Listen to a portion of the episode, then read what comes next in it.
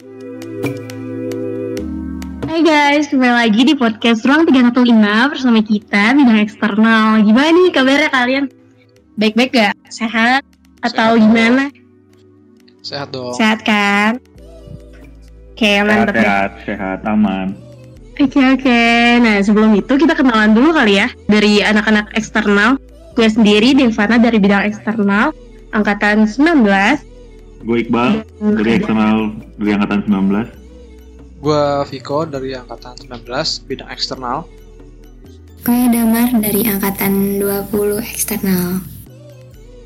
Oke, dan di podcast yang spesial satu ini kita kedatangan tamu nih dari teman-teman ITS. Boleh dong kenalan dulu dong teman-teman ITS.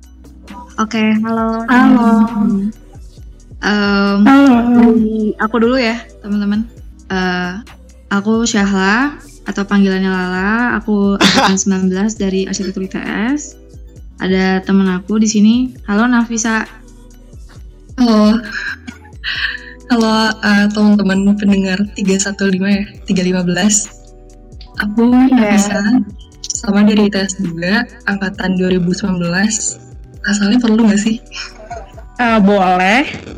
Ya, asalnya dari Depok. Terus ada satu lagi, temen aku. Iya, eh, halo teman-teman, Eh, gue Izian sama kayak Ala sama Nafisa dari RCTS juga angkatan 19. Salam kenal. Halo, Oke, salam kenal. Halo semuanya. Ini ngomong-ngomong kalian tuh habis ujian kan ya kemarin ya? Baru selesai kan? Iya. Udah seminggu yang lalu, ya. Kita baru ngerasain seminggu Gimana tuh? Gimana tuh aman aman? Aman nggak? Emang gak latihan? Alhamdulillah aman banget. Kayak gampang banget. Tapi alhamdulillah ada. Ya meskipun eh, eh, aku lihat emang gimana ya mungkin karena pandemi apa gimana cuma ada emang penurunan kinerja performa. Menurut Pak Teddy. Astagfirullahaladzim Pak Teddy maaf. Eh, menurut Pak Teddy ada penurunan performa dari seluruh anak mahasiswa arsitektur di ITS maksudnya. Eh, cuma alhamdulillah aku sampai finish line Anak, Gimana anak kenapa? tadi kuliah di Untar kan? ya gitu? Gak yang ampun kalau Nafita gimana Naf?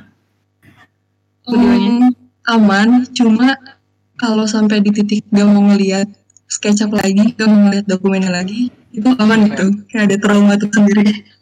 oh my god Habis disubmit gak mau dilihat-lihat lagi. sama kalau Izian gimana sih? Aman sih aman ya maksudnya ya sampai finish line gitu. Tapi ya di tengah-tengah hampir banget nyerah, hampir banget. Tapi aman. Apa sih sebenarnya gak cuma kalian doang deh kayaknya kita kita juga kayak gitu. Kayak lagi masa-masanya hectic banget kemarin-kemarin. Sebenarnya tuh kalau dari gue sendiri juga emang kayak benar-benar ngerasa di semester itu aneh banget sih maksudnya kayak ngerasa yang benar-benar sempet juga kepikiran kayak apa gudahan aja ya kayak aduh ini kuat gak ya sampai nanti gitu gitu kayak itu ya tengah-tengah kayak udah nyerah Tapi emang sih, kalau buat anak untar semester ini kayaknya pendek banget nggak sih rasanya? 4 bulan. Nah iya benar, ah benar. Oh iya, karena tuh kalau di Untar ya buat teman-teman ITS, kalau belum tahu di Untar tuh sekarang lagi dipadetin gitu. Karena kan kemarin kita tuh tanggal 22 November aja udah kosong jadwal tes gitu. Eh UAS, sorry. Jadi kita udah UAS duluan. Mm-mm. Jadi sampai liburnya tuh sampai nanti bulan Februari, ya lama banget kan. Jadi benar-benar dipadetin kayak cuma berapa bulan doang. Ya Itu kurang lebih. 4 bulan lah. Kurang lebih sih 4 bulan Hmm. sih kita kuliah. Oh, Itu parah banget. Dalam rangka, Iya. dalam rangka apa gitu? dalam rangka apa ya? Eh apa ya? Kayaknya sih eh, menghindari biar gak offline. Waduh, menarik, menarik. Nah, kalau kalau tadi kan barusan gitu? kan keresahan kita tuh ya, pas lagi kuliahnya itu ngerasanya waktunya pendek banget nih, pas online. Nah, kalau dari anak ITS ada nggak nih keresahannya nih? pas lagi kuliah online tuh keresahannya apa ada nggak? Gue mau nanya deh ke kalian terserah siapa aja yang jawab. banyak banyak banget ya sebenarnya. Hasil Kayak gimana tuh? Keresahannya kayak gimana tuh? Hmm, oh ini, ini kayaknya agak nyambung sama tugas yang kemarin sempat dibikin. Jadi kalau di RSI ITS tuh ada satu mata kuliah pilihan, namanya arsitektur perilaku. Terus di situ kita bikin paper soal setting ruang apa, eh setting ruang apa aja yang dibikin selama kita kuliah online gitu. Terus itu kan sebenarnya tugasnya lebih ke ngomongin apa aja yang diubah ya untuk menyesuaikan kebutuhan belajar. Tapi Iya. kalau gue sendiri jadi rada semi-semi curhat gitu di paper kayak mulai dari kalau physical apa ya physical um, environmentnya kayak misalnya dari noise-nya orang rumah segala macem. Terus kayak privasinya juga. Iya itu kayak semua orang sih. Terus privasinya juga otomatis berkurang gitu. Kalau dari segi temen paling kayak apa ya kan kita jarang ketemu temen nih. Terus kalau waktu offline tiap ketemu nanyain progres terus kayak berasa lagi iya bareng-bareng gitu kayak we're in this together gitu. Tapi kalau lagi online berasanya kayak ya lah gue kayak kayaknya gue doang deh yang capek ya orang-orang pada enjoy enjoy aja gitu. Itu sih yang paling berat. Oh, Aku utamanya aku kan eh, apa ya work environment aku tuh harus sama banyak orang gitu biar termotivasi buat ngerjain gitu kan. Sekarang sendirian terus kalau eh, kalau ada masalah ya I- maybe some of you have eh, problems apalagi terutama dengan keluarga gitu dan lain-lain itu jadi gak ada bukan pelarian sih tapi kayak lebih ke em, sesuatu eh, seseorang yang bisa diajak ngobrol itu jadi susah gitu ya gitu sih. Hmm, kegiatan online kalau masalah eh, sosial. Kalau masalah eh, tugas sendiri kayak tadi mungkin bener kata Nafisa jadi kalau misalnya kita eh, kalau sendirian tuh gak ada pembandingnya apalagi aku tuh orangnya eh, mungkin beberapa juga dari kita ada yang lebih suka tuh ngeliat dulu tugas orang baru kayak oh baru paham gitu nah itu aku itu big big problem sama ini sih online 11 12 sih sebenarnya. Hmm. Tapi kalau gue pribadi ya, yang gue rasain itu ada masalah di motivasinya. Soalnya kan kalau eh, apa sebenarnya sama kayak Nafisa tadi sih yang we this together itu. Kalau misalnya gue ketemu orang terus ngeliat mereka ngerjain gue tuh jadi kayak apa ya gue tuh tipe yang eh bukan gengsi bahasanya. Kayak takut mal- mempermalukan diri sendiri gitu. Jadi kayak kalau misalnya ada orang progresnya bagus gue sendiri yang jelek jadi termotivasi gitu. Ah gue nggak boleh kalah. Kerjain gitu. Terus dan jadi dari terpaksa ngerjain itu jadi kebikin suatu rutin yang sehat gitu kan yang sebenarnya idealnya tuh gitu tapi kalau misalnya kayak gini tuh hmm. jadi nggak bisa ngeliat orang terus motivasi untuk ngerjain apa-apa naik turun terus segala hal jadi nggak bener nggak nggak rutin akhirnya fisiknya juga capek banyak lah sebenarnya itu kita semua ngalamin gak sih Iya. kayak gitu Hmm. eh kalau boleh nambahin yang ngalah tadi boleh nggak yang soal Boleh lah. Uh, yang ngelihat apa yang ngelihat progres orang tuh jadi motivasi. Gue nggak tahu sih kalau yang lain kayak gimana. Cuma kalau gue sendiri, apalagi pas udah stres-stresnya ngeliatin kerjaan orang tuh malah jadi sebel. Kayak ih kenapa sih orang-orang orang-orang kenapa jauh sih harusnya kan jadi motivasi. iya makanya aneh banget. Ini apa sih ngeliat kerjaan orang tapi jadi sebel sendiri gitu. Jadi kayak gak sehat, negatif vibes banget lah. Hmm. Iya, iya, iya. maksudnya kamu jadi terdorong kan itu harusnya jadi jealousy yang positif. Bisa nggak sih jealousy positif? Nah, tapi ini agak agak menyimpang. oke oke. Jadi sebel. kan kita- Iya. tadi kan kita mau ngomong tentang offline online gitu ya. Kalian kan udah nyobain masa offline dan sekarang kan ke masa online ya. Gimana sih rasanya? Enakan mana sih? Kalau ujian itu atau ngerjain tugas tuh enakan di pas kalian offline atau online kayak sekarang? Hmm, kalau selalu aja ya, selalu di sel- apa di kedua hal tuh ada positif negatifnya. ya. Ya. Tapi em, setelah melalui berapa tahun sih kita? Dua tahun ya pandemi? Em, s- dua tahun? hampir ya hampir dua tahun Udah tahun, udah tahun. Hampir ya, hampir ya. Hampir dua tahun ini tuh aku lebih suka offline. Eh, meskipun aku sebenarnya juga anaknya eh, introvert. Jadi kalau online itu ada kelebihannya da- dalam apa ya kadang-kadang you need some uh, space uh, quadri apa ya space time eh kok space time space and time uh, for yourself gitu kan. Nah itu online tuh give that a, a ton of time gitu buat kamu. Cuman hmm, kalau dalam uh, kuliahan sendiri sih aku mending offline karena uh, tadi masalah sosial kadang uh, lagi-lagi um, ya butuh interaksi sosial tadi terus anxiety yang terjadi dalam pandemi itu aku nggak kuat nggak tahan banget Eh ya itu sih. Aku lebih milih offline meskipun online uh, ada beberapa uh, keunggulan gitu. Kalau gue nggak gue nggak bisa bilang gue prefer mana sih. Soalnya bener kata Lala ada ada plus minusnya masing-masing kan. Tapi yang bisa gue simpulin sebenarnya dari experience dua tahun terakhir tuh sebenarnya kalau buat gue pribadi online tuh secara akademik emang lebih apa positif pengaruhnya ke gue maksudnya kayak eh, jam gue ngerjain segala macam kan jadi lebih banyak tuh otomatis. Kayak gue nggak perlu ada waktu transport dari kosan ke kampus lah terus dari kampus pergi kantin jalan dulu terus ntar dari kantin Iya, pergi ke jadi perpus lagi. Iya kayak kalau offline tuh makan banyak waktu gitu kan buat pindah tempat doang. Tapi kalau online kan gue cukup di satu meja aja gitu dari pagi sampai malam sampai pagi lagi.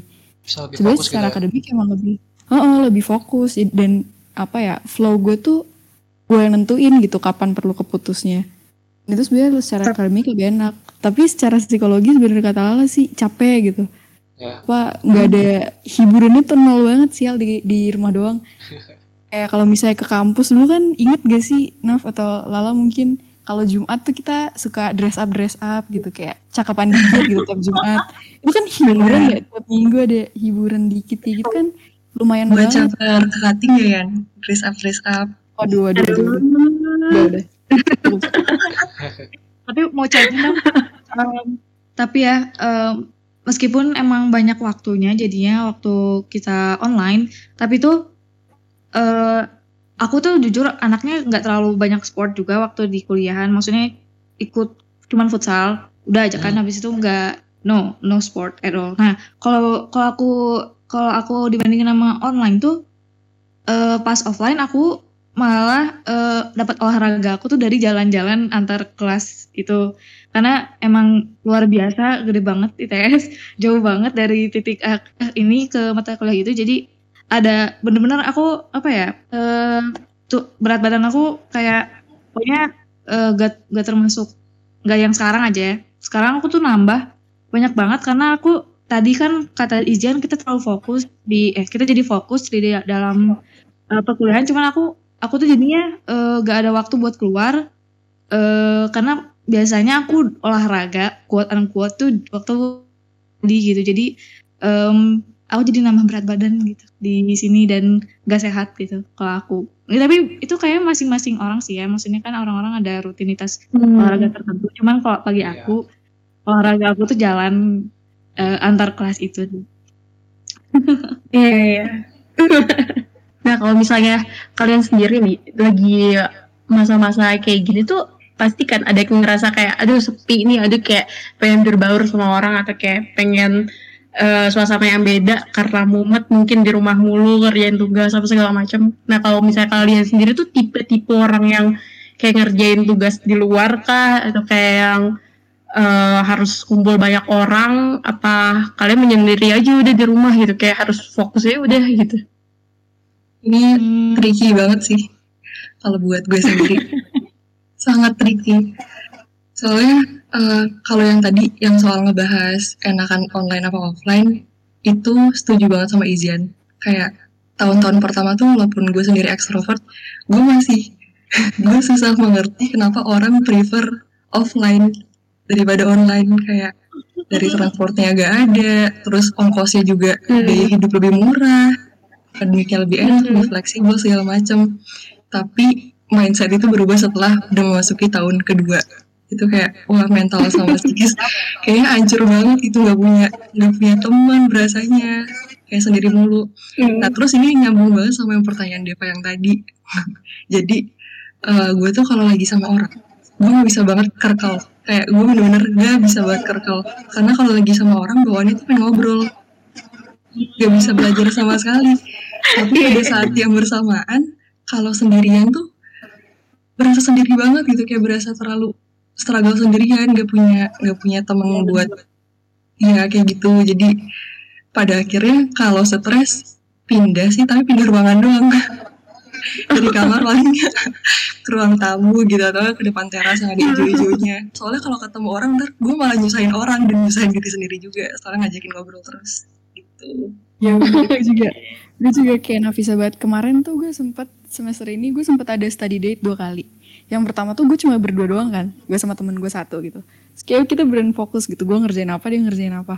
Itu apa ya kayak gue mikir wah ini refreshing banget seru banget nanti ada lagi deh. So, akhirnya dua minggu ke depannya lagi gue ngajak lagi. Tapi habis itu dia ngajak dua temennya lagi. Nah itu tuh beneran cuma nambah dua orang doang tuh kerasa gitu apa yang tadi Nafisa bilang. Akhirnya gue cuma ngerjain tuh pas gue nungguin mereka. Jadi kan gue datang dua jam duluan. Dua jam selama gue nungguin mereka itu gue ngerjain apa yang perlu gue kerjain. Begitu mereka datang gue malah ngobrol gitu. Jadi kayak bener deh Naf, tricky banget kayak kuncinya tuh di crowdnya apa Heeh, kacau sumpah. Cuma nambah Iya, dua orang jadi nggak bisa ngapa-ngapain. Sama banget. Makanya aku makanya tadi lebih milih offline dibanding online karena tadi aku butuh orang tapi kalau misalnya ketemu orang malah ngobrol. Karena emang uh, uh, vibe-nya tuh beda gitu ya. Eh, kalau misalnya belajar di studio maksudnya ngerjain gam- eh, gambar di studio karena emang layout dan lain-lainnya udah udah udah disiapin gitu kan dibanding harus ke kafe gitu. Cuman ada beberapa orang sih ya bisa ya. Cuman aku nggak bisa sih kalau sama temen apalagi. Kalau sendirian aku nggak kayak aku nggak pernah deh makanya sama ini. diam di rumah. Kalian tahu ini gak sih kayak waktu awal-awal pandemi ada kalau di TikTok tuh sering- eh ini boleh sebut. Kayak di topik ada ada kayak apa apa-apa.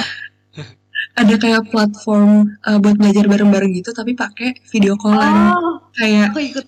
uh, nah itu kan kayaknya idenya Jarang. kayak oke banget gitu ya. Kayak bisa tetap di rumah nggak perlu keluar. Tapi ada temen cuma aku juga pernah joinin kayak gitu tapi aku lakuin malah aku ngeliatin muka-muka orangnya. Semuanya aku perhatiin selama mereka selama mereka belajar jadi kayak susah sih. Susah banget.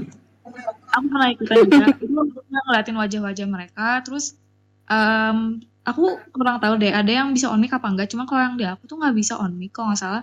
Jadi beberapa orang tuh ada juga yang soal mungkin a- bisa ngebantu sih yang buat soal buat presentasi gitu loh. Jadi kayak eh, kamu ngelihat wajah-wajah orang fokus kamu sambil si ngetes apa eh, ner- apa ya biar kamu nggak nggak nervous gitu apa.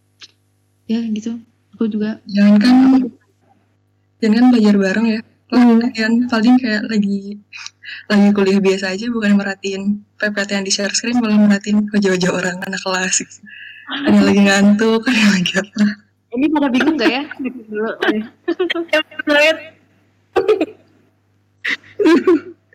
nah kalau misalnya dari eh, gue sendiri, kalau di masa pandemi kayak gitu tuh, itu tipe yang kayak eh, pengen ditemenin, pengen ngerasa kayak ada temen, tapi tuh nggak usah ikutan.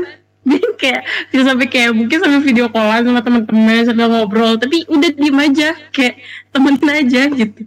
Kayak gue ya nugas, terus yang lain juga sambil nugas. Gue nggak butuh ngobrol, cuma butuh temen sebenarnya kayak gitu. Tapi kalau gue tuh kayak gitu. Tapi PR PR utamanya itu adalah mencari orang yang bisa em, diajak comfortable silence yang kayak dua-duanya Iya. nyaman gitu dalam dalam keheningan Nah kalau misalnya dari Iqbal nih gimana nih Bal? Oh, kalau dari gue sih, kalau gue jujur ya, lebih suka offline sih sebenarnya. Online ini banyak banget keterbatasan kalau jadi kan kalau dulu kan kita offline tuh mau nyari ide gampang ya sama teman-teman bisa ke perpus bareng terus nanti coret-coret di sana. Sedangkan kalau online ini ya kayak contohnya kita pakai platform ini yang sekarang kita pakai Discord gitu. Kita bisa share screen terus ngeliat aja kayak nggak bisa bantu coret gitu loh temannya. Jadi kayak gue pengen bantuan dari temen tapi ada kayak so close yet so far gitu nggak bisa dibantuin sepenuhnya ngerti gak sih makanya gue lebih mending offline daripada Kagok banget ya. iya serius kayak kagok aja gitu. Mau cari bantuan susah ya palingan telepon cuman ya video callan doang biar ada yang nemenin nugas gitu nggak sendiri. Diem diem kayak kamcong nanti. Iya betul betul betul. kalau misalnya dari Viko atau dari Damar kayak gitu kayak gimana? Kan mungkin kalian beda angkatan juga kan sama gue sama Iqbal.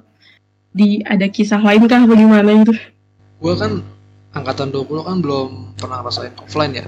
Online dari awal masuk sampai sekarang kan Hmm. online terus ya. Pengen sih ngerasain Mhm. offline dan untuk sekarang sih gimana ya kalau aku pengen apa dunia perkuliahan tuh pengennya sih offline kayaknya lebih seru gitu kan tapi kalau tentang kayak ujian-ujian gitu itu pengennya sih online karena lebih nggak lebih ribet gitu ya kan kalau Nggak lebih bener banget ntar sama kalau ribet apa offline gimana tuh, pas ujian tuh gitu ya gimana ya bal ya ntar kalau offline kan kalau asistensi ya Hmm. Oh, kan iya. misalnya tuh dicoret-coret Oh, iya. bayangin gak tuh kalau online gini kan Iya. cuman lisan doang ya dia cuman eh ini nih, Uh-uh. gini gini gini ya udah tinggal ganti kalau offline kan kayak Eh gitu tapi kayak eh, angkatan 20 tuh kayak lebih kayak lebih siap gitu dalam eh, menghadapi kuliah online aku lihat sih kayak mereka tuh lebih lebih rajin lebih kalau di arsitektur ITS ya kayak kak, kak di Untar juga deh Eh, kayak lebih lebih rajin lebih keren banget skillnya daripada eh, dibanding menurut aku sih dibanding angkatan aku ya untuk eh, untuk mahasiswa baru gitu sekelas mahasiswa baru tuh kalian udah punya skill set yang cukup mumpuni gitu buat ya, ya masuk mungkin itu kuliah karena arsitektur. karena kita kan online ya. Jadi kita kayak mau research apa pun gampang lebih easy aja gitu. Kalau offline kan ya dibatasi kadang kan kayak pasti kan keluar main sama temennya ngobrol bla bla bla lebih banyak gitu kan. Tapi kalau di rumah online kan mungkin lebih banyak waktu untuk kayak research buat panel-panelnya bla bla gitulah. Mungkin itu yang yang maksud ya.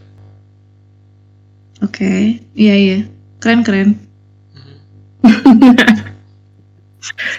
kalau damar gimana mar Eh, kalau gue ya, gue ngerasanya kayak kita kan angkatan 2020 tuh baru banget lulus SMA terus kayak feel-nya masih SMA nggak sih? Cuma apa ya? eh pelajarannya udah ganti kayak anak kuliahan tapi ya masih SMA aja gitu loh. Rasanya Iya, betul, gitu betul. gue. oke gue pengen nanya deh gue apa tuh apa apa pengen nanya mengenai akademik ya. Kalau di oke. Untar di angkatan gua Untar angkatan 20 kan apa baru ya? Dan apa namanya kita tuh ditargetin untuk lulus tiga setengah tahun jadi lebih cepat gitu dari yang biasanya. Untuk angkatan 20 ke bawah ya. Dua- eh 20 ke Wow. atas atau 20 ke bawah ya? 20 21 gitu loh. Kalau gue pengen nanya gue pengen nanya kalau di ITS gitu apa gitu juga atau mungkin angkatan yang 20 nya Oh, ya em, jujur aku gak, aku kurang tahu ya. Ini dari tadi aku dengar dari kampus Perdeka itu aku Hmm. em, jujur merhatiin waktu presentasinya. Cuman em, kalau misal pun iya ya, aduh, eh, aku kurang paham juga. Cuman apakah emang mungkin gitu kalau di jurusan arsitektur? Aku bukan underestimating other uh, Iya. major ya. Cuman kayak eh, arsitektur tuh bahkan menurut dosen aku tuh 4 tahun tuh kayak kurang gitu ya nggak sih? Iya. Eh, izin kita tolong backup aku. Iya, Jadi bener. kayak 4 tahun tuh kayak udah kayak Oh. kurang gitu. Tiga- Apalagi tiga setengah tahun tuh kayak too much pressure apa udah nambah lagi gitu beban lagi dah. Tiga setengah tahun harus lulus. Itu kayak kata aku agak ini ya agak aku nggak bilang impossible juga ya mungkin ada ya. Ya. Pak Wawan gak sih? Iya gak sih? Baru aja mau nyebut, tapi nggak mau pakai namanya sih lah tadi. Mau disensor. Gue, setahu gue tuh dia ini kalau RCTS tuh dia bukan apa ya, bukan bukan masalah mungkin gak mungkinnya, tapi emang dulu tuh bisa. Makanya ada yang Pak Wawan tadi tuh beliau bisa Hmm, lulus tiga setengah tahun. Tapi sekarang tuh nggak bisa, soalnya kan studio ada 8 kali, terus cuma bisa diambil satu semester satu. Jadi secara legal nggak mungkin gitu, karena emang nggak boleh ngambil studio dua kali dalam satu semester. Bahkan kayak Bisa tahu. dosen yang tadi dibilang 3,5 tahun aja kayak di angkatan kita jadi bahan omongan ya soalnya emangnya bisa 3,5 tahun gitu dia beneran beneran lulus 3,5 Dia tahun ngambil ngambil dua studio gak sih? Atau enggak? Iya ngambil dua studio gak sih? Iya, Iya, dia ngambil itu kayak agak ngambil. agak gila sih ambil dua studio tuh. Ya dia emang dewa. Gak bisa. Iya, dia emang dewa. Eh, teman kita juga nggak dua studio tahu. Gimana Viko? Oh my god. Oh iya sih, angkatan lu bukan ini Vic, ya langsung dua studio sih. Iya, dua- nggak langsung sih. Langsung dua Eh, studio langsung ya? satu semester ya. Nah itu gimana tuh Vic? Perasaan lu gimana Vic kalau langsung ngambil dua studio? Wah gila sih. Itu gua yang hampir ribut sama Asdos gila. Emang gue juga mikirnya kayak kita satu semester dapat dua studio kayak emang bisa. Tapi ya bisa-bisain. Oh itu bukan bukan pilihan pribadi, tapi emang disediain harus ambil dua studio gitu dari Iya, kampus. dari kampusnya. Oh my god. Sampai itu. Sumpah itu kayak harusnya bisa punya kehidupan sosial nggak sih kalau ngambil dua studio? Buru-buru sosial kehidupan di rumah aja kayak keluar kamar cuma berapa kali coba sehari? Kan ya. yang seharusnya kita UTS malah kita udah uas duluan Iya. Nah, Iya bener Iya banget. benar. Tapi ya emang mata kuliah yang lain jadi gak jadi tergantikan sih ya. Eh, kan biasanya kita Terbengkalai lah, Mm-mm. bukan tergantikan gitu. Iya, tetap ada tapi bahasa lu ya Allah, tapi tapi jujur bentar dong. eh di arsitektur itu nggak bisa sih sebenarnya dua dua apa? Dua Dua studio. Eh, karena I will aku bi aku akan mendapatkan dua studio di semester depan karena satu hal dan lainnya. Cuman disi- kita tuh disebutnya satu lah. Kalau misalnya kan semester depan berarti kan eh, genap, berarti kan ya ya, studio kita genap gitu. Nah itu eh, nanti tuh kalau untuk studio yang ganjil untuk semester ganjil tuh art- da- masuk ke kelas kecil. Untuk kelas kelas kecil tuh untuk eh, mahasiswa juga yang eh, gak lulus gitu loh. Gitu. Hmm. Kalau kalian gimana? Oh, berarti berarti itu emang kayak disediain gitu ya. Nah, kalau misalnya itu kayak SP gitu gak gitu ya? Apa enggak ya? Di kelas tambahan. Oh, hmm, Enggak juga Aku sih sebenarnya. Soalnya dia jalannya bareng sama semester biasa. Tapi dia Oh, kalau studio kan kalau studio biasa tuh ya jalan satu kelas tuh satu kelas besar kan ada kan. Misalnya dia studio perancangan tiga gitu misalnya. Tapi karena dia tadi ada yang misalnya sebelumnya nggak lulus terus harus ngulang. Atau mungkin ada anak yang habis exchange terus perlu ngambil studio itu. Jadi ada kelas kecilnya sendiri gitu di satu semester yang sama. ya si kelas kecilnya tuh em, bisa di request dulu sih. Maksudnya kayak request ya. Kalau misalnya melihat dulu mau nggak mahasiswanya untuk ngulang pada saat semester itu. Kalau misalnya emang ada kap- apa ada beberapa orang ya dibuatin kelas kecilnya. Biasanya cuman satu kelas kecil satu eh, dosen doang gitu biasanya sih. Hmm, hmm, hmm.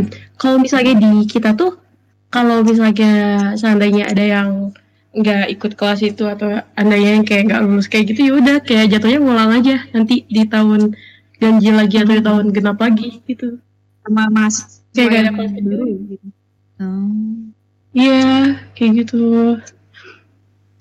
Jadi nggak Iya. tiga setengah tahun. Udah tiga setengah tahun. Oke oke eh eh, tapi gue kayaknya mau nanya deh tentang organisasi sama kepanitiaan event di ITS. Apa sih eh, event terbesar yang ITS pernah adain tentang arsitektur gitu? Wah, untung kita punya ketuanya di sini. Silakan Kasih tahu lah, kasih tahu lah. Oke. Pak. Ya eh, Nafisa Izian aku tuh nggak nggak lanjut guys cuman eh, acara terbesar kita tuh namanya Arch Project. Untuk eh, tadi pertanyaannya apa? Arch Project itu apa? Ya ya, ya. Arch Project itu Iya. event terbesar yang di em, yang di yang diorganize oleh mahasiswa arsitektur ITS dari seluruh angkatan. Eh, kalau dulu sebenarnya maba itu wajib cuman sekarang kayaknya enggak deh. Iya kayaknya enggak cuman kalau misalnya maba em, kok jadi ini ya? Ya pokoknya kalau maba daftar mereka tuh kayak harus diutamakan eh, apa ya di ACC gitu. Karena eh aspek itu biasanya jadi apa ya semacam kepanitiaan mereka yang pertama gitu loh. Jadi kan kayak mereka harus ada experience dan lain-lain. Jadi aspek itu udah ngasih kesempatan buat mahasiswa arsitektur itu kan. Terus eh, kita biasanya ada beberapa ya. Nah, Oke, Eh, aku lanjut, Lanjut. ya. Oke, untuk Ash Project itu sendiri tuh ada mini eventnya yang ya untuk mini eventnya itu tuh ada ada morph. Morph itu sayembara. Terus ada talk show. Ya talk show seperti biasa. Pretty ya explanatory lah ya. Terus ada ada pameran. Ini keluarnya izian ya Zi? Terus ada apa lagi ya? Aku lupa. Eh morph Ada talk show. festival. festival. Dan ada empat atau lima Empat lah, ada empat lah. Jangan nambah. Oh, maaf. Jangan nama ya. yang terakhir itu festival. Oke, itu sih. Ya, festival acara selebrasinya. Biasa. Oh. Biasanya gitu. Kalau waktu offline tuh seru banget, jujur kayak bener-bener acara yang apa ya, yang worth it Iya, dinantikan bener. gitu. Iya, kan gara-gara sekarang pandemi kemarin eh Ars Project kita yang tahun 2020 tuh sempat sempat agak linglung gitu soalnya rencananya tuh udah dipersiapin buat offline, tapi gara-gara tiba-tiba online kan harus ubah semua plan. Iya, ini aku belum bahas. Jadi tuh tema dari Art Project itu tuh biasanya eh, suatu hal yang dekat dengan masyarakat. Katanya gitu sih. Ya, tapi emang bener sih. Eh, waktu Art Project 2021 tuh kemarin kita mental health. Kayaknya itu lagi jadi tren besar ya. Sebenarnya pas kita sama, saya Untar juga pernah ngobrol ya sama Art Project. Pokoknya kebanyakan timnya tuh health kan. Terus tahun 2021, tahun 2020 kita arsitektur dan makanan sangat eh, unik, I know. Eh, terus tahun 2019 itu arsitek terus arsitek 2018 itu aku lupa deh. Pokoknya ada arsitektur and play, eh, jadi kayak arsitektur dan permainan gitu dan lain-lain gitu. Gitu sih. Hmm, oke oke. Nah kalau misalnya detektur project itu sendiri, kayak biasanya tuh berlangsung berapa lama sih Arch caranya tuh? em, ini dari persiapan atau acaranya aja? Acaranya. kalau dari acaranya aja, em, kayaknya kalau online tuh cukup lama ya. Kita kemarin, eh nggak ada yang cuma sehari. Oh kita cuma sehari. Eh, jadi itu seluruh, kalau ber- berapa jamnya aku nggak bisa. Ini cuman kita kemarin, eh, jadi itu jam pertama pagi-pagi kan sayembara tentunya udah dilakukan sebelum hari H ya. Maksudnya hari H pengumuman itu, Hmm. bukan hari H presentasi itu jadi jam jam 9 sampai jam 12 kalau nggak salah kita em, presentasi dan dan penjurian morph sayembara tersebut habis itu setelah eh, istirahat kita eh, talk show. Talk show dari jam 1 kalau nggak salah aku lupa. Jam 1 sampai jam 4 5 kalau nggak salah. Pokoknya ada dua pembicara. Eh dua pembicara dua panelis. Terus setelah itu baru eh, festival di mal sampai malam harinya. Sebenarnya festivalnya tuh kayak nge, nge- kayak sandwich gitu loh. Jadi di awal ada opening sampai di akhir sampai acara puncak lah ya festivalnya tuh. Karena festival tuh seharusnya kan kalau di realitanya jadi kayak konser gitu, konser kan harusnya. Terus pamerannya eh, dibuka pada jadwal-jadwal tertentu nggak sih? Sih, aku lupa. Hmm, jadi sebenarnya tiap empat kegiatan dan tadi Syahla bilang itu eh, festival sama pameran itu tuh kayak punya timeline tersendiri gitu. Emang yang paling eh, panjang kan otomatis yang sayembara itu. Ya, Dia kalau nggak salah dua tiga bulan segituan. Nah terus abis itu nanti di belakang Hmm, dua sampai tiga bulan ya. Heeh, untuk nutupnya itu ada festival yang itu tadi yang kayak kalau menurut Nafisa selebrasinya gitu penutupannya kayak ada konser-konsernya dan itu tuh kemarin cuma berlangsung satu hari Berla- di hari yang sama sama talk show. Mm-mm, bener. Oke, berarti waktu yang selebrasinya itu dilakuin secara online dong. Iya betul. Iya, sedih banget. Kayak Jadi kita pre-recording. Ya pre-recording. Ya. berarti bisa dari orang luar mana kan? Iya. Kemarin tuh pre-recordingnya kayak eh, kita kalau nggak salah dari anak-anak festival nyawa studio. Eh, nyawa studio nggak sih? Iya, nyawa studio Ya, terus jadi kita nyewa studio terus eh beberapa dari anak festival yang bisa ke Surabaya beneran ke Surabaya buat buat record sama bandnya soal itu kan band band ya terus hasil pre-recordnya tuh kita tampilin waktu di zoom eh, hari terakhir Arch Project gitu Hmm. Hasil editing lah ya. iya Iya iya. Iya ya, sayang banget itu waktu itu online. iya makanya itu banget ya padahal. Nah iya, kalau misalnya dari Untar sendiri tuh eh kita sini ada namanya tuh ADW Arsitektur Design Week. Jadi lakuinnya setahun sekali dan sebenarnya udah dua tahun ke belakang ini kan kita lakuin secara online. Dan tujuan dari ADW ini sendiri tuh kayak kenalin karya-karya si anak untar ini tuh ke masyarakat luar-luar juga. Jadi eh, kita juga nggak cuman di lingkup untar aja, tapi orang-orang luar juga bisa nonton, bisa kayak ngeliat acara atau ikutan acara kita kayak gitu. Dan main acaranya itu di sini ada dari bidang eksin itu tuh kayak mini exhibition gitu. Jadi waktu itu bikin mini exhibition eh di situ tuh kayak tempat kayak ada panel-panel sayembara orang kan eh, sebelumnya kan acara ADW ini juga kan nggak cuma satu acara cuma mini exhibition doang tapi kan sebelumnya ada kayak sama kayak kalian gitu kayak ada sayembara kayak ada talk show-nya kayak ada eh, workshop segala macam kayak gitu.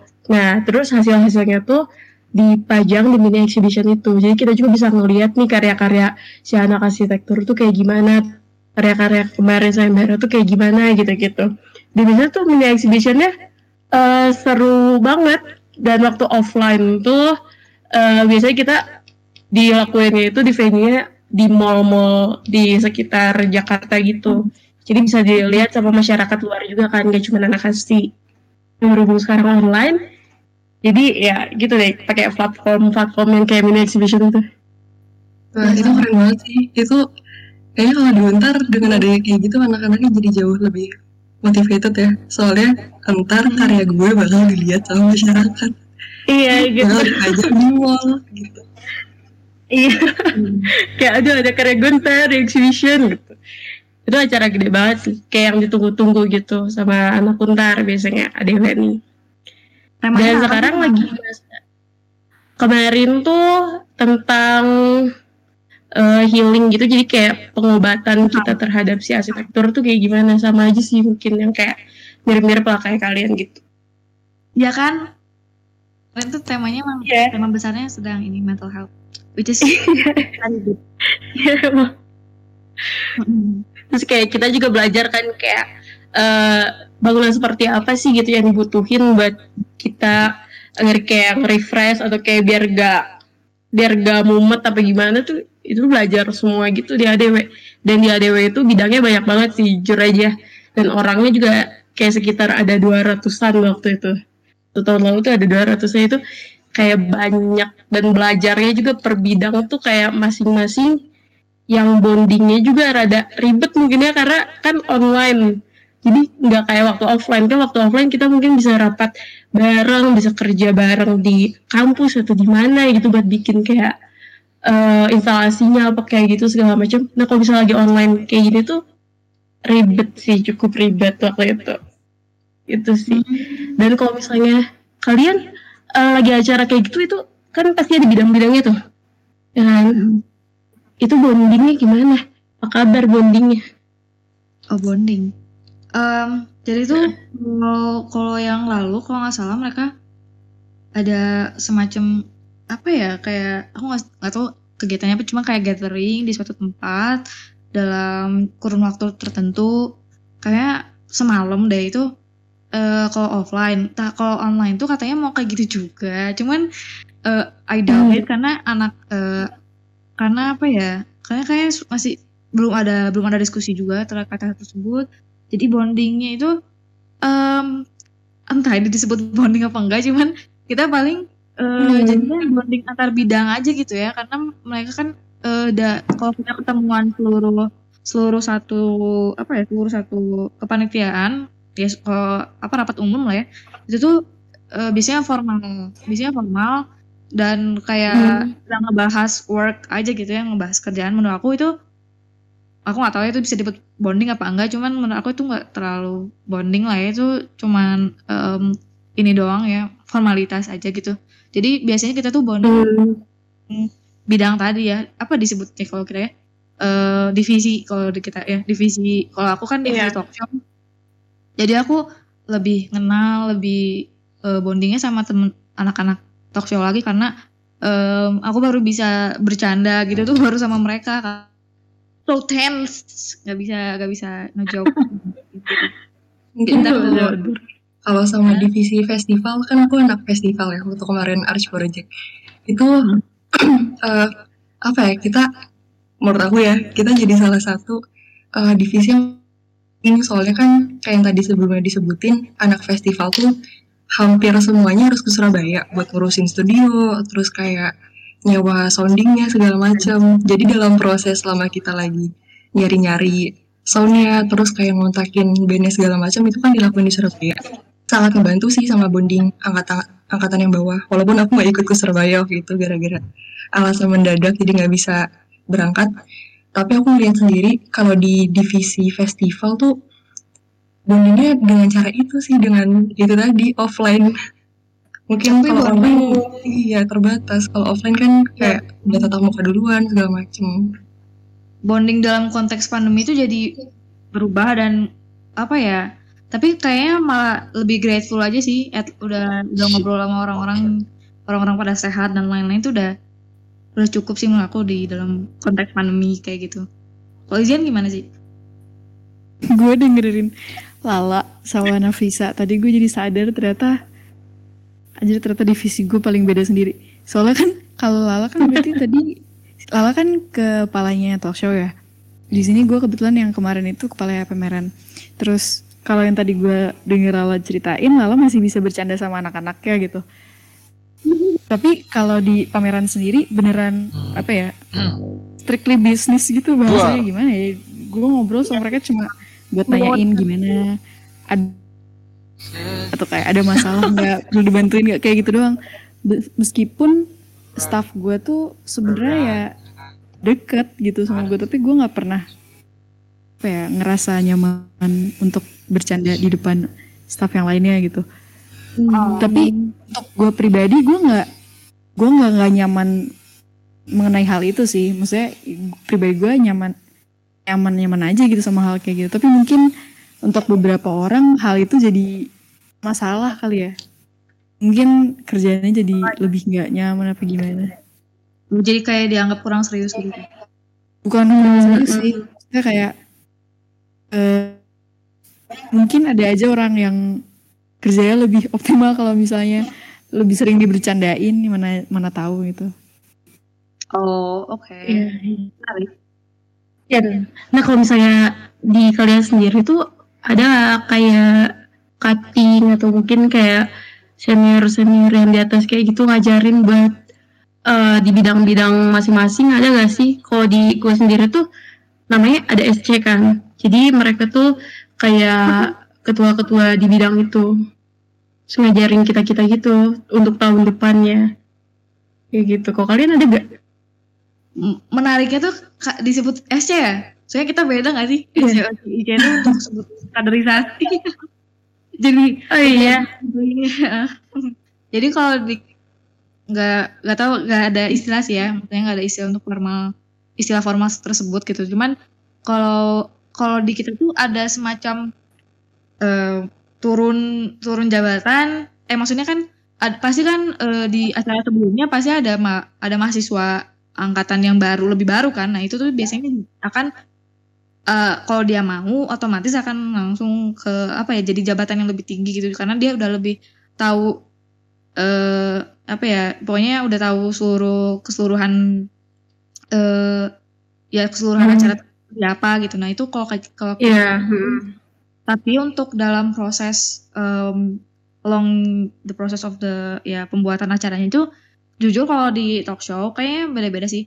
Kalau di talk show tuh kita nggak nggak secara langsung di handle maksudnya bukan handle kayak nggak langsung diawasi cuma kita tuh dipersilakan untuk bertanya jadi itu tuh ke inisiatif masing-masing eh, anggota buat nanya eh, ke cuttingnya. Nah aku sama Dimas itu Dimas em, sebenarnya apa sih konseptor konsep eh, dia tuh banyak nanya banget ke eh, pendahulu unquote pendahulunya talk show untuk Hmm. eh, apa ya untuk semacam konsultasi dan lain-lain ini kalau misalnya eh, temanya seperti ini mereka tuh terbuka aja sih Hmm. untuk eh, untuk ditanya kalau tapi untuk eh, SC nggak ada sih Mungkin kayak tentang formalnya nggak ada, tapi kalau kita mau konsul segala macam itu sangat sangat terbuka gitu.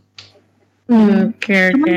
ini eh, berarti di Untar di ADW berarti SC-nya itu masih dalam struktur organisasi struktur organisasi struktur kepanitiaan atau gimana sih? Eh sebenarnya aku nggak SC-nya tuh biasanya nih gue waktu itu di ADW di bidang eksin kan. Dan SC-nya tuh cutting yang dulunya di bidang eksin juga. Kayak ketua atau wakil ketuanya kayak gitu kayak mereka ngajarin kita terus kayak ngarahin sih lebih ke ngarahin harus kayak gini kayak gini baiknya kayak gitu gitu bagusnya gitu emang Oke. Eh, nah, eh, sekarang kan eh, kalian nih sebagai senior ya di himpunan gitu. Eh, dan kita untuk adik-adik mabaknya, eh, menurut kalian penting gak sih untuk adik-adik maba join himpunan organisasi kepanitiaan gitu? Ada yang mau jawab duluan Hmm, agak bingung ya sebenarnya penting atau enggak buat masing-masing individu soalnya kayak pasti kan semua orang visinya kuliah beda-beda ya. Ada yang kuliah emang bener-bener pengen punya um, the fullest experience, pengen jadi anak hima, pengen ikutan organisasi, organisasi ini itu. Tapi ada juga anak-anak yang kuliah ya udah pengen belajar aja gitu. Mungkin dia sambil nyambi kerja atau sambil ada urusan di rumah segala macam. Jadi kayaknya aku nggak nggak berada di tempat yang bisa bilang mereka harus gitu. Karena kan masing-masing beda. Tapi mungkin kalau dikhususin eh, buat anak-anak yang emang pengen yang emang pengen ngerasain the fullest experience jadi anak kuliah nggak ada salahnya. Kayak justru sangat di apa ya di encourage banget lah kalau kalian emang pengen ngerasain pengalaman apalagi kalau waktu SMA-nya nggak osis gitu misalkan kayak gue gak pernah ikutan organisasi apa-apa. Hima tuh bagus jadi apa ya jadi starting point lah sebelum kalian ke mana-mana gitu. Apalagi dalam jurusan kan jadi pasti bakal jauh lebih nyaman. Soalnya anak-anaknya juga anak-anak jurusan sendiri. Kalau dari gue itu sih. Gak tau kalau dari izin sama Lala gimana? Bangga sih sama sih maksudnya. Eh, sama sih sebenarnya kayak Nafisa. Soalnya dulu emang pasti ada titik di mana maba tuh naif gitu kan. Wah ada maba gue harus join. Eh ada hima gue harus join. Wah ada bem gue harus join. Wah ada exchange gue harus join. Kayak segala hal itu emang dipandang sebagai opportunity yang bisa diambil gitu. Emang in in a sense bahwa lu bisa ngegapai itu. Tapi lu nggak bisa kalau berpikir lu bisa mencapai semuanya dalam waktu yang bersamaan gitu. Pasti ada lost opportunity cost di situ. Dan itu harus lu pahami. Dan bener kata Nafisa lu harus tentuin sebenarnya eh, apa ya bahasanya jadiin pijakan untuk ngeraih visi lu sebagai pribadi itu yang mana gitu. Soalnya kalau gue pribadi dulu gue mikir oh gue ini anaknya anak organisasi banget. Berarti nanti gue ikut hima di semester sekian. Depannya gue bisa ngejabat ngerangkap di BEM terus gue ikut BEM. Abis itu ntar depannya gue kelar gue tinggal fokus ke skripsi. Misalnya kayak dulu gue mikirnya kayak gitu. Tapi sekarang akhirnya gue gagal ikut BEM terus hima gue nggak berminat sekarang gue malah mau ngejar exchange. Itu kan mungkin banget terjadi ke semua orang ya. Dan itu bukan suatu hal yang salah gitu. Karena visi buat masing-masing orang ya dia yang nentuin. Dan cara untuk nyapainya ya dia yang nentuin juga. Jadi kalau penting gak penting pasti ada poin pentingnya. Tapi kalian sendiri yang tentuin kita sendiri yang tentuin itu penting gak buat kita secara pribadi? Kalau menurut gue gitu. Em, Iya, aku setuju Iya sih. bener banget. Tapi menurut aku ya untuk untuk eh, untuk maba sendiri sih, kalau misalnya emang tertarik, aku harap semua maba tuh udah udah nge out sendiri. Maksudnya kayak five, apa ya biasanya kan ada lima tahun goals gitu ya, eh lima tahun lama banget, empat tahun goals atau di semester-semester tersebut kalian ada goalsnya berapa? Kalau misalnya kalian em, menurut aku sih himpunan men- eh, di, di awal sekarang kan aku kurang tahu ya apa himpunan bisa masuk setelah semester se apa ya pokoknya semester saat kalian udah nggak udah nggak maba lagi gitu ya misalnya itu apakah bisa atau enggak cuman kalau misalnya mau himpunan mending dari sekarang karena eh apa ya semakin ke sana your time kayak bakal limit banget eh, untuk apa ya dalam akademi ya academic wise gitu kan. Terus eh, makanya eh, silakan banget join hima. Jadi kamu da- di dalam hima itu juga figuring out mau ngapain lagi gitu setelah eh apa enggak? Karena himpunan itu em, kalau aku sendiri sih jadi karena aku nggak ikutan osis sama kayak Nabila aku jadi tahu banyak hal dalam em, apa ya dalam manajemen waktu. Itu karena aku sangat kacau banget dalam manaj- manajemen waktu terus eh, dalam eh, ya apa ya bekerja sama dengan kelompok dan lain-lain seperti itulah ya. Terus untuk utamanya kan eh, meskipun kamu bukan divisi bukan divisi hublu dan lain kan kamu juga tetap bakal ngobrol sama orang luar itu eh, itu salah satu experience yang aku kejar sih ya. Eh, ngobrol sama orang eh crack Eh, ngobrol sama orang luar itu eh, jadi apa ya jadi pelatih aja gitu sih. Dan skill set itu tuh jadi eh, skill set yang ngebantu kamu di hal-hal lain seperti exchange tadi. Karena eh, kayak exchange maksudnya contohnya dari Izian gitu misalnya karena eh, kamu udah terbiasa ngobrol sama orang luar kamu jadi nggak terla- apa ya nggak malu atau nggak terlalu nervous gitu kalau misalnya eh, ngobrol lagi di luar eh, himpunan gitu gitu. Tapi sebelumnya gue boleh tanya dulu gak? Eh, di kalian di Untar ada Apa sistem scam gak sih? Sistem scam. Jadi penilaian scam, SKEM. Jadi dia tuh penilaian tentang prestasi sama pengalaman kalian selama satu semester, terus dia masuk jadi nilai IP gitu, diakumulasiin di akhir semester. sebagai syarat kelulusan Iya, Oh, ada gak sih? eh Soalnya ini sangat sih. banget sama pertanyaan. Oh iya, setahu gue sih gak ada. Cuman eh, dari yang per poin ini aja sih, kayak kita ikutan acara apa, acara apa tuh kayak ada poin-poinnya. Misalnya gue ikutan kayak seminar atau kayak workshop kayak gitu, itu ada poin masing-masing. Itu masuk nilai individu gitu kan? Iya, heeh. dan itu dikumpulin kayak syarat kelulusan itu dapat dari poin itu kita harus ngumpulin berapa gitu. Nah, bener, sama banget. Tapi di. ITS namanya sebutannya scam. Terus ini tuh, Oh, oke. iya gitu. Terus eh, kalau yang tadi Lala bilang, kita harus figuring out.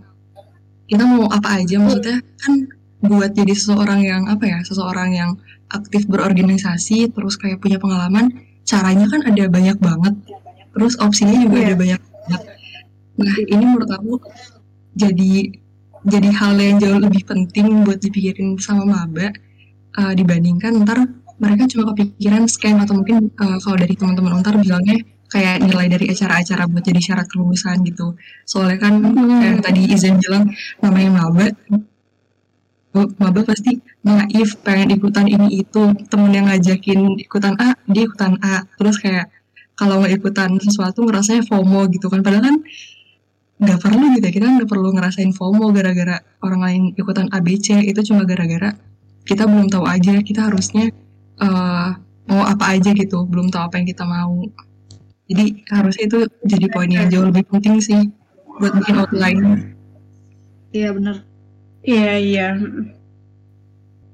Iya, terus kayak udah terakhir banget ini udah kita udah berjalan sama berapa sekian puluh menit.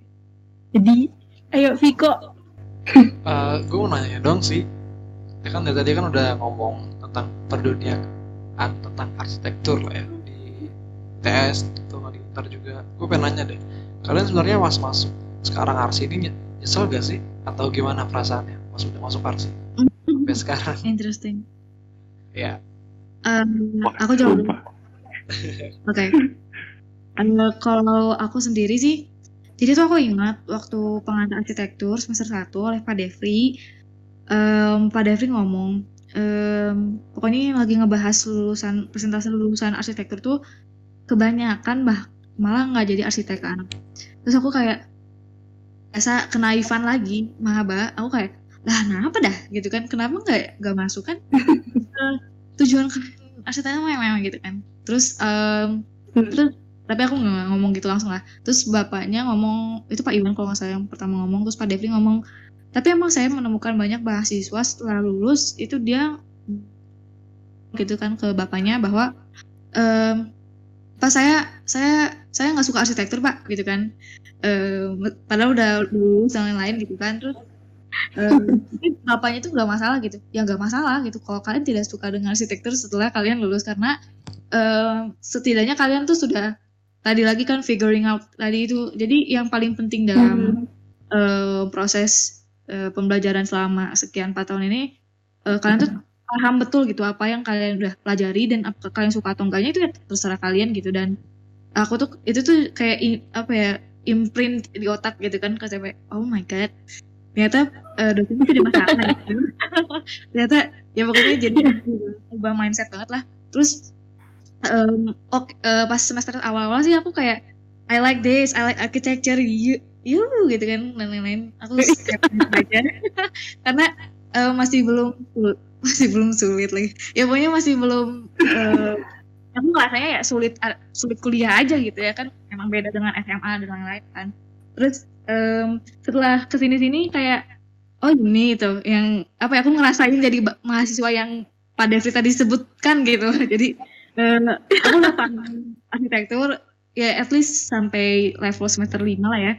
Aku udah paham arsitektur seperti apa dan aku nggak suka dengan arsitektur gitu Eh, aku aku agak takut mau Berubah share ya? ini cuman iya berubah. Setelah aku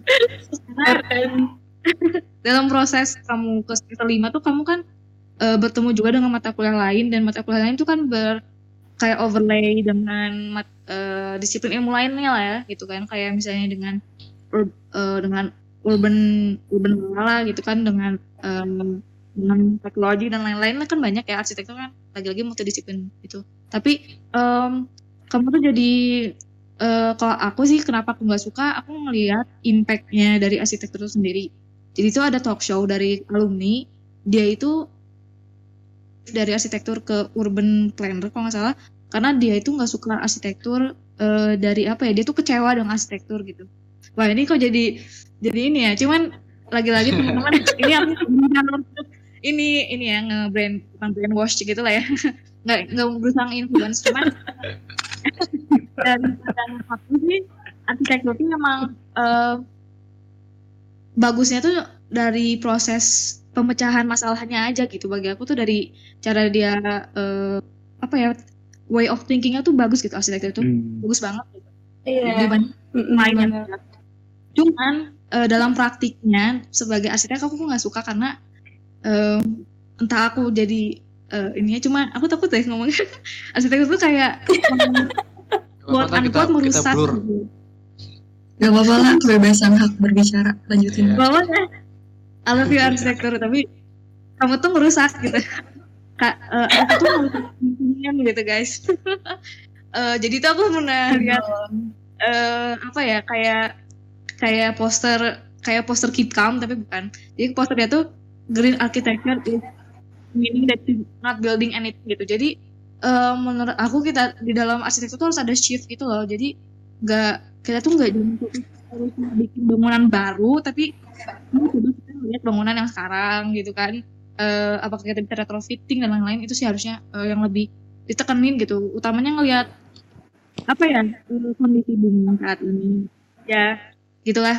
Kok aku jadi ini ya. Tapi eh, kondisi bumi saat ini kayaknya a- nambah bangunan malah nambah masalah gitu, gitu menurut aku gimana yang lain nah Kalau kalau kita coba tarik ke belakang ke pertanyaan yang awal itu eh, nyesel atau enggak nggak sih? Nyesel atau enggak masuk ke arsitektur? iya iya? Oke. Em, sebenarnya jadi masuk masuk ke arsitektur sendiri itu buat aku ini agak ini ya agak nggak konsisten mau pakai aku apa gue ya udah Santai, santai. Enjoy. Enjoy. Enjoy. Oke, enjoy. Jadi dari SD banget, udah dari kecil banget, udah pengen jadi arsitektur. Pokoknya nggak ada Iya. opsi cita-cita lain gitu. Mau nggak mau, ntar waktu gede masuknya jurusan arsitektur. Kuliah arsitektur, lulus-lulus jadi arsitektur, bikin rumah, bikin rumah buat sendiri, bikin rumah buat orang tua gitu kan. Biasa anak kecil. Terus em, pas waktu dapat arsitektur ITS, otomatis seneng dong kayak ya Allah ini beneran cita-cita dari kecil terwujud gitu beneran masuk arsitektur jurusan arsitektur tapi pas sudah ngejalaninnya itu em, rasa bersyukurnya agak berbeda ya. Rasa bersyukur yang dirasain di awal agak agak diminish agak berkurang. Cuma em, cuma gini kayak pas sudah masuk arsitektur nih bener kayak kata Lala barusan nggak tahu kenapa ya dosen di arsitek itu selalu em, apa ya menggaungkan pres- presentasi orang yang beneran lulus jadi arsitek sama enggak. Terus kayak mungkin ya udahlah nggak masalah. Mungkin dia kayak pe- pengen ngasih realitanya aja kayak gimana. Cuma buat aku sendiri em, kalau dulu kan kayaknya opsi cita-cita bener- apa ya benar-benar tertutup gitu. Pengennya jadi arsitek doang. Terus nggak tahu kalau misalkan yang lain kayaknya gue nggak punya kemampuan gue nggak punya kemampuan dan keahlian selain dari artistic skill gitu. Cuma sekarang pas udah ngejalanin kuliahnya sendiri, ternyata arsitektur itu kan gak melulu soal bangunan, gak melulu soal eh, ini materialnya apa, terus pakai strukturnya kayak gimana-gimana. Ada banyak banget hal yang diajarin kayak tadi kata Lala soal problem solving. Terus dengan skill-skill sama keahlian yang didapetin sama kuliah, selain dari ilmu bangunannya, gue ngerasa wah uh, gue ngembangin banyak skill baru dan dengan skill ini opsi gue buat apa ya buat jadi seseorang buat uh, mengambil profesi juga jadi lebih terbuka gitu. Jadi pertanyaannya kalau nyesel atau enggak akhirnya hmm, gak nyesel sih. Karena ternyata selama ngejalanin banyak hal-hal. Ada banyak banyak hal lain gitu. Yang sebelumnya mungkin gak kelihatan gara-gara pikirannya masih tertutup. Kalau aku mungkin aku mau ini deh, mau ngoreksi. Mungkin aku juga gak nyesel tapi gak suka gitu. Gak suka. Iya. Cuman kayak em, I'm still dig in gitu ya. Maksudnya ma- masih dig in ilmunya cuma kayak eh, well, apa ya untuk berorientasi jadi arsitek no kayaknya enggak. Cuman ya gitu. Ya sih. Let's go Izian.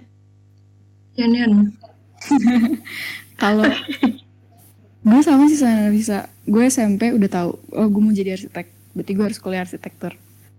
Tapi habis itu SMA gue mikir, oke nggak apa-apa gue masuk arsitektur, tapi gue nggak mau jadi arsitek. Terus habis itu baru minggu lalu banget gue nyetrika sambil dengerin podcast tentang paus. Terus gue tuh dari dulu suka banget sama biologi. Terus sambil gue nyetrika gue mikir apa gue salah ambil jurusan ya, apa gue harusnya ngambil apa kayak biologi atau dokter hewan gitu.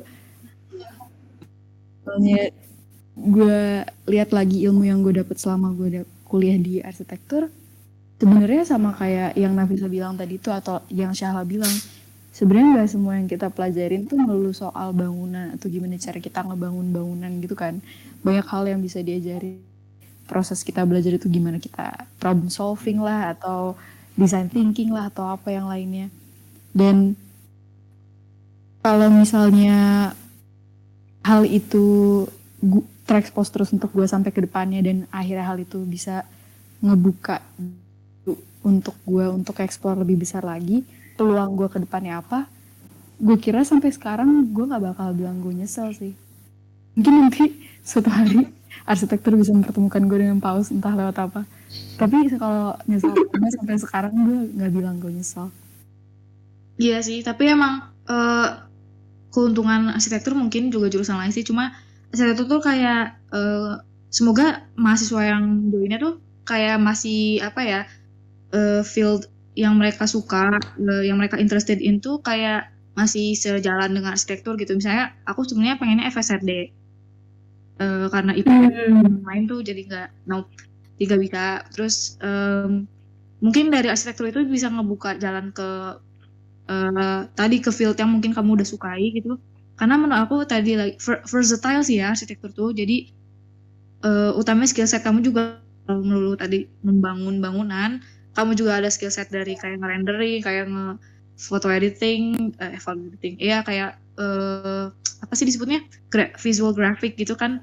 Eh itu kan jadi ngebuka ke field lainnya gitu. Aku sebenarnya lebih suka lagi suka game jadi kayak "Ih, kalau arsitektur di game gimana ya? Kayak gitulah aku lagi interested in gitu. Jadi um, no worries kalau kalian ngerasain kalau di arsitektur di TE arsitektur lagi. ITS lagi.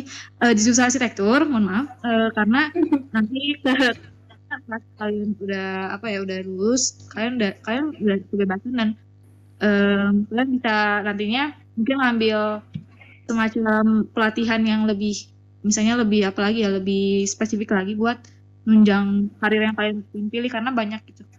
Itu sih. Mungkin kalau boleh kasih contoh, siapa tahu teman-teman ruang 315 315 ya bacanya 315 ya? satu lima kenapa? Satu lima, apa tiga, satu. Oke, siapa tahu banyak pendengar 315 yang kayak, aduh ini kenapa kakak-kakak ini jadi menghalangi gue masuk arsitektur gitu. Cuma pengen sedikit, apa ya, sedikit eh, ngasih contoh aja kan dari tadi kita ngomong, sebenarnya banyak kok selain ilmu bangunan, skill set yang didapat gitu-gitu. Nah ini mungkin gue coba kasih contoh konkretnya nih. Eh, Nggak tahu ya kalau di Untar kalian pakai ini nggak? Pakai em, skema frameworknya Flowride buat ngedesain metode perancangan. kayaknya jarang deh eh kayak nggak terlalu banyak deh Hmm, Nah. oke. Gak apa-apa. Jadi kalau di kalau di ITS itu kita pakai metode perancangannya Flowride. Terus di situ tuh ada yang namanya um, exploratory sama sintet eh bener ya exploratory thinking sama synthetic thinking. Bener gak sih? Yang lah sintetik kan? Eh sintesis. sama evaluatif Oh iya, sorry sorry. Exploratory sama evaluatif. Terus dua thinking tools ini tuh menurut gue bisa banget bener-bener diterapin ke kehidupan sehari-hari. Kayak explore, explore, tah, belibet kan? Expla, exploratory thinking tuh gimana caranya kita cari solusi tuh nggak melulu em, sama satu opsi yang paling umum dipakai gitu. Jadi kita di push buat brainstorm terus-terusan opsi apa aja yang ada, terus gimana cara kita bisa utilisasiinnya terus juga bisa pakai evaluative thinking buat ngesintesis um, opsi-opsi yang udah kita dapetin tadi jadi sebuah solusi yang paling baik gitu. Terus selain dua itu juga ada yang namanya first principle reduction. Jadi first principle reduction tuh cara berpikir sebenarnya itu salah satu apa ya um, filosofi kalau nggak salah. Cuma diadopsi sama arsitektur juga. Jadi kalau di sini tuh diajarinnya kayak misalkan kita disuruh briefing disuruh bikin rumah sakit. Nah dengan kita pakai first principle reduction ini, kita harus ngebuang jauh-jauh gambaran mental tentang rumah sakit yang selama ini kita tahu. Terus dengan kita ngebuang jauh-jauh ini, apa ya? em, bentuk-bentuk baru dari rumah sakit yang possible yang sebelumnya nggak kepikiran tuh bisa come up gitu, bisa bisa ada. Terus kayak menurut gue tiga tiga cara ini tuh gue nggak tahu kalau nggak di arsitektur bisa ditemuin di jurusan mana lagi. Tapi ini bisa banget diterapin ke kehidupan sehari-hari dan gak akan gak akan sia-sia lah. Mm-mm, jadi di tiga hal yang udah dijelasin Nafis itu em, termasuk ke eh, frame eh, yang dijelasin oleh Pak Wright itu kan. Jadi sebenarnya frameworknya itu tuh kayaknya bisa di bisa ditemuin di anak desain deh. Cuman kayak kurang tahu juga ya kayaknya nggak deh. Ya anak desain apa enggak ya? Cuman frameworknya sebenarnya bisa di apply di banyak hal juga katanya ya. di kata kata dosen gitu Hmm. Oke oke. Seru banget nih. Aduh, tapi teman-teman dari ITS semuanya sayang banget ini kayak kita udah di akhir-akhir banget nih di iya jadi kita kayak harus eh, di-cut sampai sini aja kayak harus kita lagi kayak makasih banget tapi eh, intinya buat teman-teman 315 yang ngedengerin eh, dari cerita-cerita kita sekarang pasti ada ambil hikmahnya aja. Dan juga di arsitek ini banyak banget kayak yang udah teman-teman tadi bilang banyak banget yang uh, banyak dipelajari dari kita. Kita nggak cuma ngambil yang buruk-buruknya aja tapi yang baiknya itu uh, jauh lebih banyak. Dan yang pasti itu nggak cuma belajar tentang bangunan aja tapi mental juga ya. Kita mental kayak benar-benar diajarin banget di sini. Terus kayak cara berpikir segala macam tuh diajarin banget di dunia arsitektur. Dan pasti seru banget guys di arsitektur. Buat teman-teman ruang 315 makasih banget udah dengerin. Terus juga teman-teman dari ITS eh Nafisa, Lala, Izan makasih banget udah mau nyempetin waktunya buat ngobrol-ngobrol bareng sama kita. Kalian jaga kesehatan tidur yang cukup. Pokoknya iya kayak eh, aku mau ini dong kayak ada gak kayak satu kata gitu tentang kayak di podcast ini tentang arsitek apa dari kalian Tentang arsitek. Satu kata buat arsitektur gitu. iya Complicated deh. Kalau dari gue apa ya? Semangat deh. Udah gitu aja semangat. Semangat Gak ada kata lain selain semangat. dari Kalau gitu Izan apa kalau nih Kalau gue semangat A-nya tiga, soalnya kalau A-nya satu nggak cukup semangat. Nggak nggak membuat Oh, iya. gue. Oh oke. Kalau gitu gue revisi deh semangat gue pakai tanda serunya tiga ya. Biar Kirain soal- ini satu kata tentang arsitektur apa tentang jurusannya sih?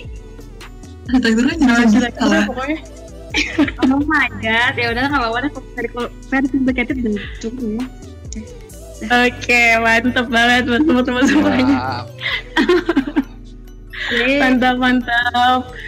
Ya, jadi kita udah selesai juga. Makasih banget buat teman-teman semuanya. ya, ini udah nyempetin waktunya. Makasih. Makasih Iya. juga teman-teman. hidup arsitek. Hidup pasti. Terima kasih. Terima kasih.